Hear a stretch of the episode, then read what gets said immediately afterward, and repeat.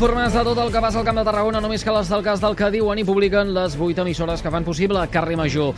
És dimecres, 22 de març de 2023, i això és l'Infotarda Daily. Anna Plaça, bona tarda. Explica'ns, què tenim avui en portada? Bona tarda, Eduard. Doncs avui comencem eh, donant detalls de l'Observatori de la Qualitat de l'Aire del Camp de Tarragona, que s'ha presentat avui i que ha mesurat per primera vegada les puntes del compost U3 butidier en un punt de captació situat al Morell. Tot i això, l'informe, que com dèiem s'ha fet públic aquest matí, no detalla encara les xifres dels episodis de contaminació, no concreta els períodes d'expulsió ni el pic assolit. Aquest estudi, recordem que l'impulsen les indústries químiques, concretament Rapsol, i s'hi ha afegit darrerament també l'Associació Empresarial Química de Tarragona. El realitzen especialistes de l'Institut Sardà en col·laboració amb la Universitat Rovira i Virgili. En general, s'ha constatat que la presència de compostos orgànics volàtils al voltant de la indústria eh, és similar a ciutats amb molt de trànsit, si bé en alguns casos, com Constantí, s'estaria per sobre.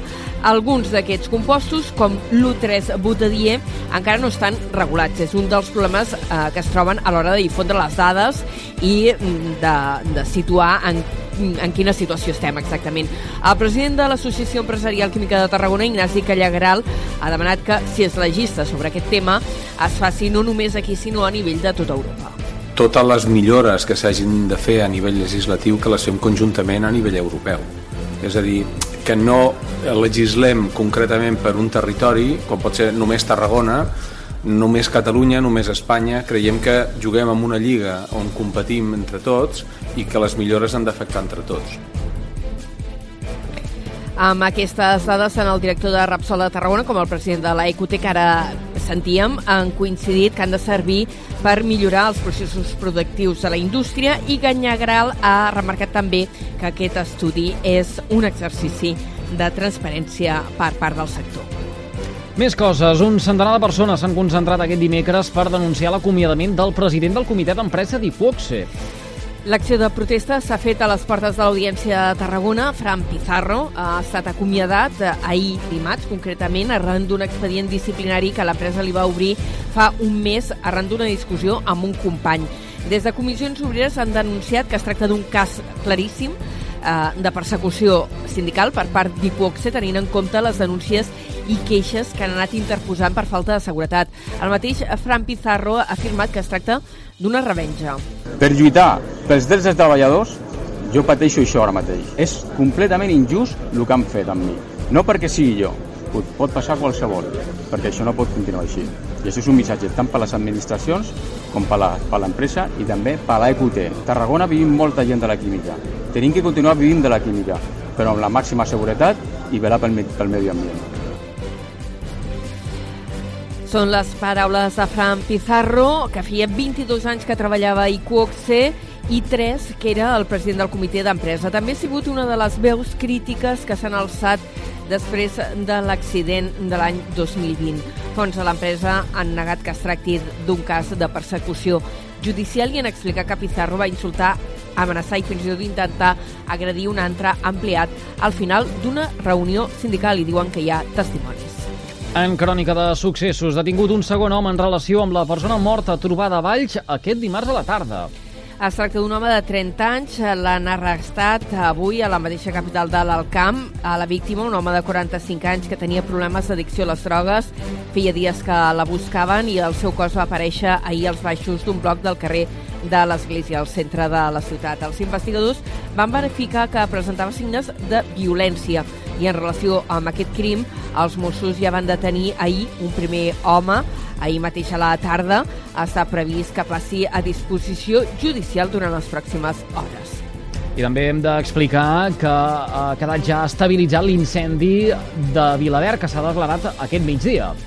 Un foc que afecta aquesta zona de la conca de Barberà. Inicialment eren terrenys agrícoles, s'han arribat a mobilitzar mitjans aeris que ara ja s'han retirat.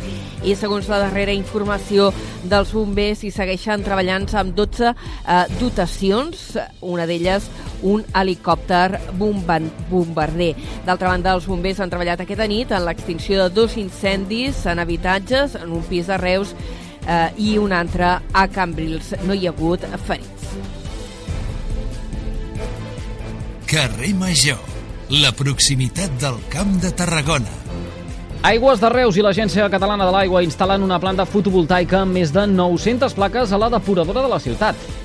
Avui s'ha presentat aquest projecte, de fet s'ha inaugurat, s'ha posat ja en funcionament que ha estat impulsat per Aigües de Reus i ha comportat una inversió de més de 600.000 euros que han pagat l'Agència Catalana de l'Aigua i l'empresa eh, municipal d'aigües, Aigües de Reus. Les obres van començar al mes de novembre i les plaques s'han distribuït en diferents edificis de l'estació depuradora, tot i que la major part s'han concentrat en un terreny sense edificar de l'interior del recinte. La instal·lació fotovoltaica té una potència total de 641 quilowatts de potència.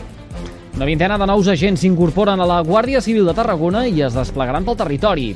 Avui al matí, el subdelegat del govern espanyol a Tarragona, Santiago Castellà, s'ha donat ja la benvinguda. Durant tot el matí, els agents han participat en una jornada de xerrades amb personal de la mateixa comandància de la Guàrdia Civil. A més d'aquests agents, el cos eh, rebrà al juny un altre reforç de 16 alumnes que faran les pràctiques a Tarragona en el Servei de Vigilància Marítima, en entorns naturals o en infraestructures estratègiques del territori, com el port de Tarragona i l'aeroport de Reus. Carrer Major és proximitat. I ara hem d'explicar que aquest dimecres s'ha presentat el projecte Plataforma per la Defensa de la Rumba Catalana. I també s'ha presentat a la subdelegació del govern espanyol a Tarragona, eh, que ha manifestat el suport a aquesta candidatura que preveu eh, promoure i donar vida a aquest estil eh, musical per tal que rebi el reconeixement de la UNESCO. Un dels impulsors, en Cisco Carbonell, destacava la importància d'aquest estil musical.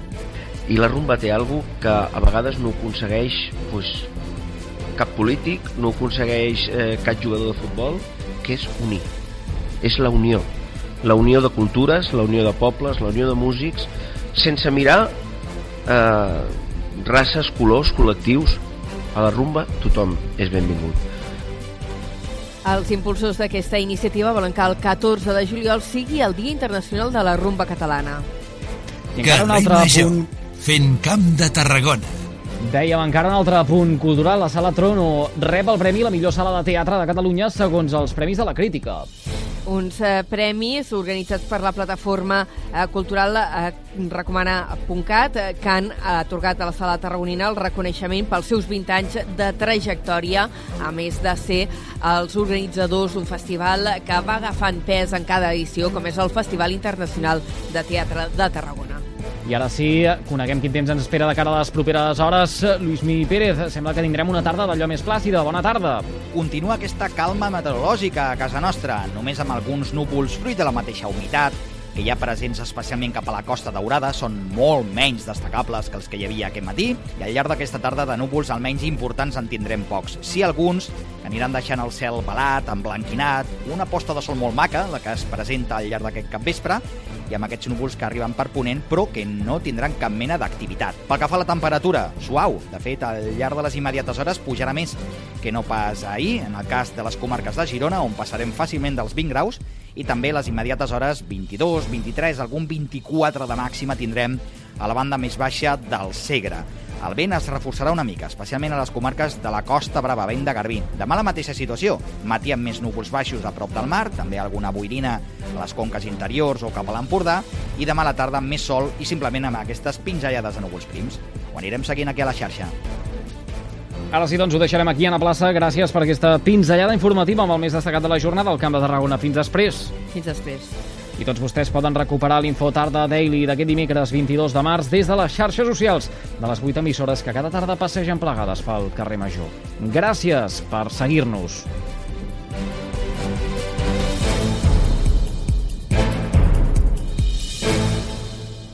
Carrer Major, la marca del territori a les ràdios locals del Camp de Tarragona.